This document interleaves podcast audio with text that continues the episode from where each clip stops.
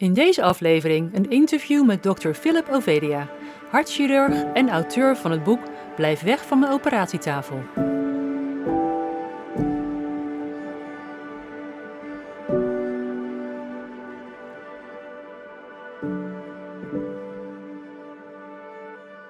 Well, hello, Dr. Philip Ovedia. Thank you so much for joining me, and I'm really happy to have you as a guest on the on the Keto podcast and to offer you a podium so that the Dutch and the Belgian listeners and viewers can get to know you, and also your book that has been translated recently into Dutch. I have it right here. Uh, could you please introduce yourself and tell us a bit more about your personal story?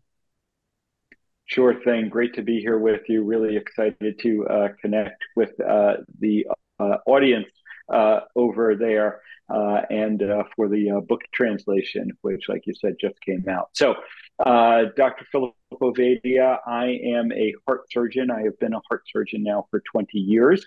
And during much of that time, I was actually a very unhealthy heart surgeon. Um, and I had reached a point about 10 years ago where I was morbidly obese, very overweight. I was pre diabetic. And I recognized that I was going to end up on my own operating table, so to speak. I mm-hmm. was following the same path that so many of my patients had followed. Um, your audience is probably aware that heart disease uh, is the number one killer uh, in the United States and worldwide. And uh, it is a major um, concern when it comes to our health. And I started asking, you know, why I was so unhealthy when I was following the advice, you know, that I had learned uh, to give my patients, um, and why so many of them were following the advice, but they were still ending up on my operating table.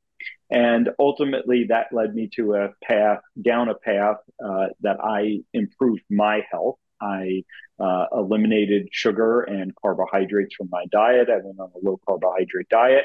Um, I was able to lose, you know, a significant amount of weight. I was able to reverse my pre-diabetes, and that has now I've been able to maintain that uh, now for you know going on eight years, um, which is something I had never been able to do in the past. And along the way, I came to recognize that we were treating heart disease wrong because we weren't addressing the root cause of heart disease, what actually causes heart disease. Um, and that is, you know, inflammation in our bodies from the food that we are eating, uh, insulin resistance, which is something I'm sure your audience will be familiar with, but we can mm-hmm. talk about yeah. uh, more, and metabolic health. And so I'm on a uh, new journey now. I, I, I, still am a heart surgeon. I still work as a heart surgeon, uh, but I am increasingly focused on keeping people off of my operating table. And so I wrote the book uh, about 18 months ago, Stay Off My Operating Table. Yeah. And I hope uh, that that gives people the guide that they need uh, so that they can avoid heart disease because heart disease is largely avoidable and preventable. Yes. Well, thank you so much for sharing this kind of information with the, the people out there who are also looking to improve their, their metabolic health and their, their heart health, uh, but also to make this knowledge more easily available for other health professionals. Because in the Netherlands and in Belgium, I don't know what it's like in the United States, but uh, here doctors and dietitians are still very much holding back uh, and not easily changing their old nutritional advice. Um, and we can easily suggest that the old advice is not working because, well, like you said, the heart disease is still the number one killer in the world. Um, so let's just have a, a, look at your book. Because um, in part one, it's uh, or, or, part two, I think it's uh, all about the myths. There are 12 uh, myths you mentioned about nutrition and health. Um, could you talk us to three of those myths? Yeah, sure thing. Um, so, you know, I, I think the probably the most uh, important myth in there, um, as uh, you mentioned, um, is you know our approach to the food that we're eating. And you know, here here in the United States, that takes the form of the food pyramid, um, the U.S. dietary guidelines. Um, that concept has largely spread throughout the world, and uh, essentially, um, it is saying that you know the way to avoid uh, heart disease is by avoiding fat in your diet. Um, eating a low fat diet, uh, especially avoiding saturated fat from things like red meat. Um, and, you know, the evidence is, is to the contrary. Uh, we have been promoting um, that way of thinking now for, you know, 40 years essentially. And um, we have not really made a noticeable impact on the incidence of heart disease during that time. So, you know, I think that dispelling that myth is uh, one of the, uh, you know, is the uh, important um, uh, thing that we need to um, uh, get out of both the minds of practitioners, physicians, health coaches, dietitians, and uh, the people, because it's simply not working. Um, a related myth then um, becomes you know, that high cholesterol is really the primary cause of heart disease. And uh, this is another important thing that I uh, want people to uh, start to change their thinking on. Um, and it's a very uh, nuanced discussion, uh, but you know, cholesterol isn't what starts the process of heart disease. Cholesterol plays a part in the process of heart disease, but if we want to have a meaningful impact on preventing heart disease, we need to address what causes it, what starts it in the first place, and not just be focused on a downstream problem like cholesterol. Um, so, uh, you know, that I think is a very important uh, myth for us to um, overcome. And the final myth that I think I would highlight um, is that, you know, the myth that it is normal to become unhealthy as we get older, yeah. as we age. Um, this again, uh, very prevalent. Um, you know, we, we, look around us and we see that most people get sicker as they get older, and we think that that's normal. But it's not normal. It doesn't need to be that way. And again, if we address the root cause of our health problems, um, the food that we are eating, um, we can remain quite healthy uh, long into our uh, older age. Yes, exactly. Well, these are three very important myths. There are more, but um, I suggest people uh, can read the book if they, they want to learn more about this. Um, how was your book received by your colleagues, by other cardiologists or cardiac uh, cardiac uh, surgeons? Yeah, so you know it. Um, I say would be a, a mixed reaction. Um, you know, I think many physicians are um, realizing uh, that we are fighting a losing battle. You know, that we are not making progress uh, when it comes to heart disease, and you know, unfortunately, uh, most of them respond to that by saying, "Well, people must not be following our advice and uh, you know we must not be doing uh, these things uh, well enough. You know we need to lower the fat even more lower the cholesterol even more. Um, but the more open-minded ones i think are stepping back and saying we must be taking the wrong approach uh, because we're not just seeing the expected results. Yeah. um, and i think my book um, you know puts forth another approach. And I think there's lots of evidence to support the approach. Um, and, you know, most of them are open to it. Um, uh, one of the things I tried to do in the book was really just focus on uh, the simple concepts, um, the commonalities uh, that we see in successful approaches. Uh, so, you know, when we look at all the different dietary approaches, and, you know, we'll go into this discussion more, and I certainly go into it more in the book, you know, what are the commonalities that we find in people that have success? And ultimately, you know, at a high level, uh, that the one commonality that I point to is the more that you eat real food and you eliminate processed food, uh, the better your health is going to be. Uh, so, you know, there are lots of different ways of doing that. And that's, you know, again, something I talk about in the book. Uh, but on a high level, I just want people to start eating real food. Mm-hmm. And, you know, quite honestly, most physicians wouldn't disagree with that. Um, you know, it, it's some of the detail that maybe we start to disagree on, but uh, eating whole real food, I really don't think is that controversial a uh, recommendation. No, exactly, exactly. Um, because you also give advice in another section of the of the book, um, so what, what people can eat for more me uh, metabolic health. Um, can you name a few um, uh, tips that you give in the book? Yeah, so you know, like I said, uh, rule. You know, the first tip is eat real food, and what that means is, you know, eat the things that grow in the ground, and eat the things that eat the things that grow in the ground. So plants and animals. Um, the balance between the two, uh, you know, is going to depend somewhat on your preferences, and it's going to depend uh, somewhat on your situation.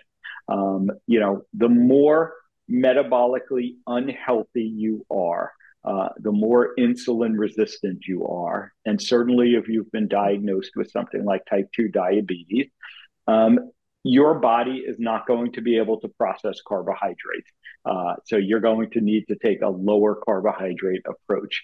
Um, I do believe, and I want people to understand that there are unique benefits uh, to animal products. Um, these are the foods that we evolved eating. And I do think that they uh, provide important, unique benefits uh, for our health. Now that doesn't mean that it's impossible to be healthy if you're a vegan or you know if you're a vegetarian and you're excluding animal product. It just makes it more difficult because there are certain key nutrients that we cannot get from plants. Uh, so um, more so, I want people to understand that it is okay uh, to be eating red meat. Red meat is not damaging our health and it is not damaging our hearts. Um, so, uh, these are some of the concepts uh, that I talk about uh, that I want people to understand as they're trying to um, change the foods that they are eating. Um, the other you know high level concept that really has gotten lost in medicine these days is the food that we eat is the primary determinant of our health. Um, all too often, when you're dealing with the medical system uh, and something is wrong, you know, you've developed a medical condition, you've developed a problem. The solution that's put forward is medications, surgeries, um, you know, procedures of, of different kinds. And we don't step back and say, is this related to the food that we are eating? And should we be considering changes in the food that we are eating to deal with this problem? Yeah, exactly. That's all. That's often all overlooked, and it's uh, very strange to find out that most doctors don't even learn about nutrition uh, in all those years of, of university. Yeah, I, I guess it's the same in the United States as here in, uh, in Europe, but yeah. Yeah, honestly, my experience is that it's uh, worse, you know, in the United States. I think our focus on nutrition um, has gotten completely lost. Um, and it really, you know, I, I, think largely in Europe, outside the United States, um, there is still, you know, some better recognition of that. Now, doctors still yeah. don't get the education that they probably should be on that front. And as we discussed, the messaging around it is oftentimes misguided. Um, but that's a big uh, a, big issue. Um, and you're right. You know, physicians uh, should be focused on um, what people are eating first and foremost, because that yes. is the primary determinant of our health. Yes, exactly. Yeah. But I think I find it very interesting to see that you do not focus on one specific kind of diet, like you just said, and you take the reader into several kinds of diets so they, they can improve on their own preferred uh, diet. I see carnivore, uh, uh Atkins, keto, low carb, uh, the Mediterranean diet, uh, gluten free, vegetarian, vegan. Um, and I think that's very liberating because most um, books are focused on one kind of diet and they, they only advocate their, their own diet or their own uh, vision, but you just take several um, diets into account. Uh, but which one do you follow yourself? Which one has, has changed your life? Yeah, so you know, my life really changed by going uh, low carb, keto, and uh, for the past four years, I have been uh, carnivore. Uh, you, you, know a largely carnivorous diet. Um, I don't think we need to be 100% dogmatic about these things. Uh, you know, I say I am mostly carnivore, which means that on a day-to-day basis, you know, 95% plus of what I eat is going to be animal products.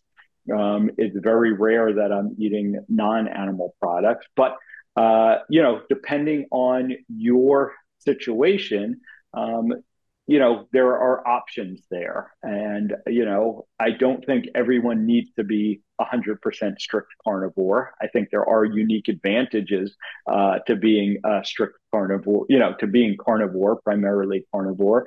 And so that's what I have settled on. That's what works best for me. And that's been for, you know, for over four years now.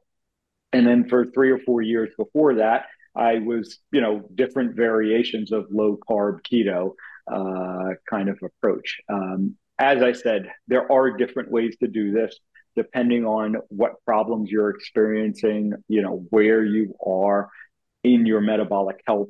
Uh, you know, these different options are going to be available to you. Ultimately, what I want people to uh, come to is judging what they're eating based on their metabolic health. And if what you're eating is improving your metabolic health or maintaining good metabolic health, then, you know, I have no issues with that.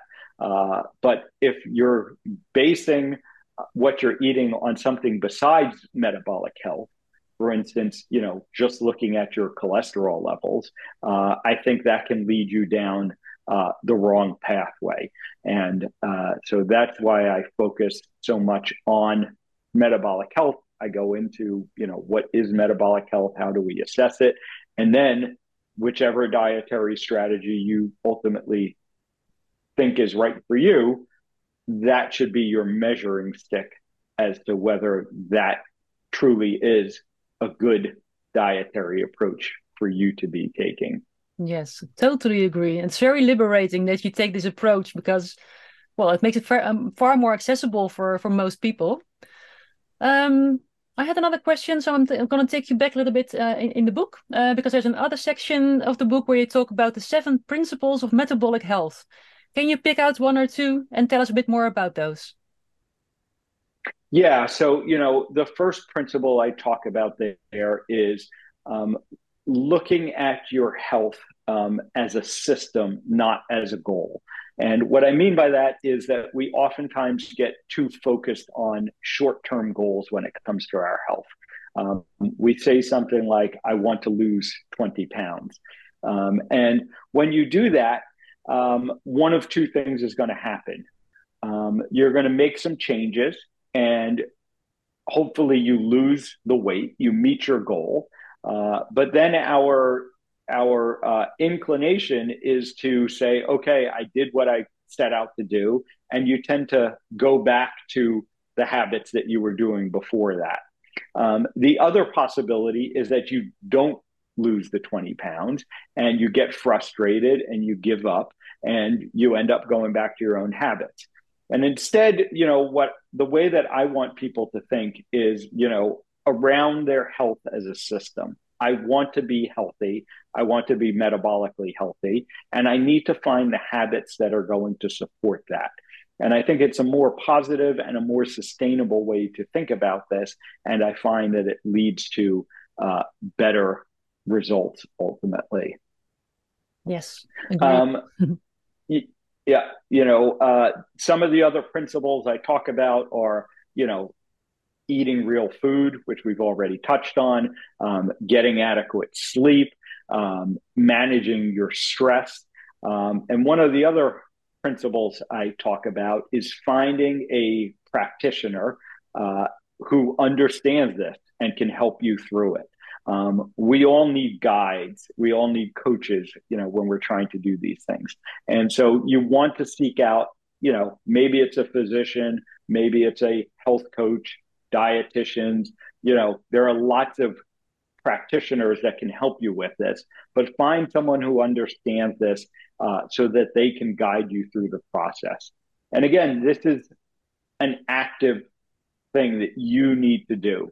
Uh, if you just end up going to your local physician, you know, because that's who's near you or that's who your insurance company has told you you need to go see. Um, chances are they're not going to be in tune to this stuff. Uh, like we talked about, this isn't, you know, kind of mainstream in the medical system, and you may not get the support that you need. In many cases, you might get discouraged from trying these things again because of these um, outdated preconceived notions that lots of doctors have around nutrition um, and so you need to actively seek out people who can support you in this journey no one can do this alone um, find a practitioner find someone who can support you in your journey yes great advice um, we talked about insulin resistance, about uh, metabolic health. Uh, are there any um, numbers, any measurements people can have done, any tests they can have done uh, to get a good view on how what their metabolic health is like? Yeah, so you know there are five basic uh, measures of metabolic health, and I, I, talk about these in the book, and I go through them in detail. Uh, but basically, these are five measures that I think everyone needs to know for themselves. Uh, the first one, real easy. You can measure it at home. It's your waist circumference. So, you know, just take a tape measure. Uh, you measure it just above the level of your belly button. Best thing to do it is first thing in the morning. Um, the next thing you want to look at is your blood pressure. Uh, and um, you want your blood pressure to be well controlled um, without the use of medications. High blood pressure is oftentimes one of the um, early indicators of a metabolic health problem. And then there's some basic blood work uh, that most physicians do these days. Uh, they just don't look at it in the proper context. Uh, so um, your fasting blood glucose, the amount of sugar that's in your blood uh, when you haven't eaten for about eight to 12 hours is another important metric of metabolic health. Mm-hmm. Um, your HDL cholesterol, the so-called good cholesterol, um, is another measure of your metabolic health. And finally, your triglycerides are the last measure of your metabolic health. Um, and, uh, you know, so the first step is getting these measurements done, figuring out where you stand on them. Um, I give all the numbers in the book. Uh, you can also go to my website, uh, ifixhearts.com, and you can get all the numbers there that you should be aiming for uh, to determine if you are metabolically healthy or not. Yes, yes, great advice. Um, and we talked a bit about uh, the LDL cholesterol, the, the so called bad cholesterol. Uh, what I find quite often is when people start uh, a keto diet or a carnivore diet, that most of the um, lipids uh, change for the good. HDL uh, uh, goes up, tri- triglycerides go down, but LDL doesn't always go down. It often even goes up. Um, and most physicians, most doctors will say, "Well, there you go. It's it's a bad diet because LDL is going up." What would you say to people who are faced with this, um, and what advice would you give them? Yeah, so you know this is a big problem because we have become so focused on LDL cholesterol, um, and we are, we you know the medical system is so convinced that this one number um, is you know the all important number, and there are a couple of things that uh, I point out to people. Uh, the first is that um, in when we look at people who are metabolically healthy, uh, who are not insulin resistant. Um, there is no data that shows us that having a higher LDL cholesterol um, number is dangerous in that situation. Um, there's data actually that suggests that it's beneficial that people live longer when they have higher LDL cholesterol levels if they are metabolically healthy. Uh, so getting metabolically healthy is the first priority there. Um, there's also a lot of, um, you know, LDL uh, as a, single number um, is, you know, not a good predictor of um, overall health or heart health in particular. Um, there, we have plenty of data showing that uh, many patients possibly more than half of the patients who come uh, in with a heart attack um, have low LDL cholesterol numbers. Uh, and conversely, there are lots of people walking around with high LDL cholesterol numbers that never have heart attacks and have no evidence of heart mm-hmm. disease. Uh, there's, uh, it turns out there are, you know, there are subtypes of LDL. LDL is a family of particles, and um, you know what your uh, particle sizes look like is actually a much more important predictor of heart disease risk than the total amount of particles that you have. Uh, but this is, you know, it's a complex issue. Quite frankly, most doctors don't understand it well. And again, this is where finding a doctor who does understand this uh, can be beneficial. Um, and finally, what I point out to people is even if we accept that LDL, having a higher LDL cholesterol, um, is uh, is a negative predictor of health. Um, when we look at the risk associated with that, and we compare it to the risk associated with poor metabolic health and insulin resistance, um, we see that insulin resistance is a much bigger predictor of heart disease risk than elevated LDL cholesterol. So, in the end, even if you're making that trade off, you've reversed your insulin resistance, um, but your LDL cholesterol went up some, uh, you're still having a net positive effect. Uh, you know, when it comes to your heart disease risk. So cholesterol is a very complex issue. Um, it's not as simple as looking at one measure on a blood test. And if all your doctor can do, if all they understand is that one number, and all they know is that one number is above a certain level, that must be bad. Uh, that can be a sign that it's time to find a different physician to work with because they really don't understand the complete issue uh, around cholesterol. Well, I think that's great advice for everyone who's now listening and, and viewing this uh, this interview. Um, do you have one final tip for people? Um, where can they start?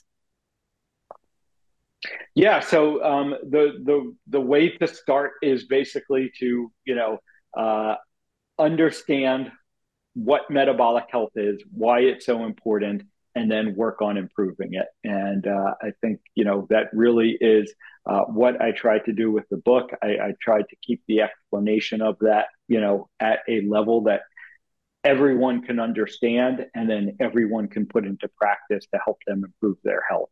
Um, so ultimately, my advice is you need to take control of your health. You need to be in charge of your health. You can't rely on someone else to be doing this for you. Yes, exactly. Power to the people. um, where can they find more about you on the internet?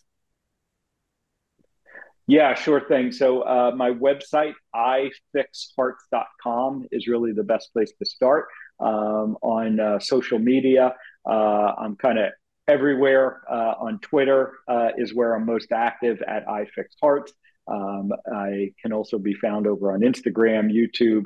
Uh, I have my own podcast. Uh, it's called the Stay Off My Operating Table podcast, and I invite Good. people to uh, check that out as well.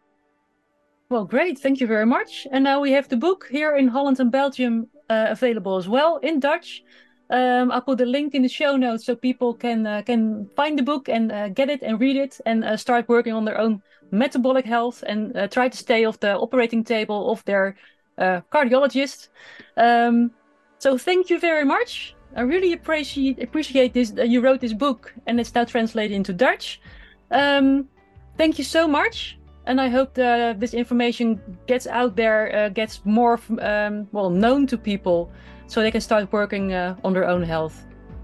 Thank you so much, and maybe we'll see you one day here in the Netherlands. I hope so. Thanks for having me. That would be great. Thank you.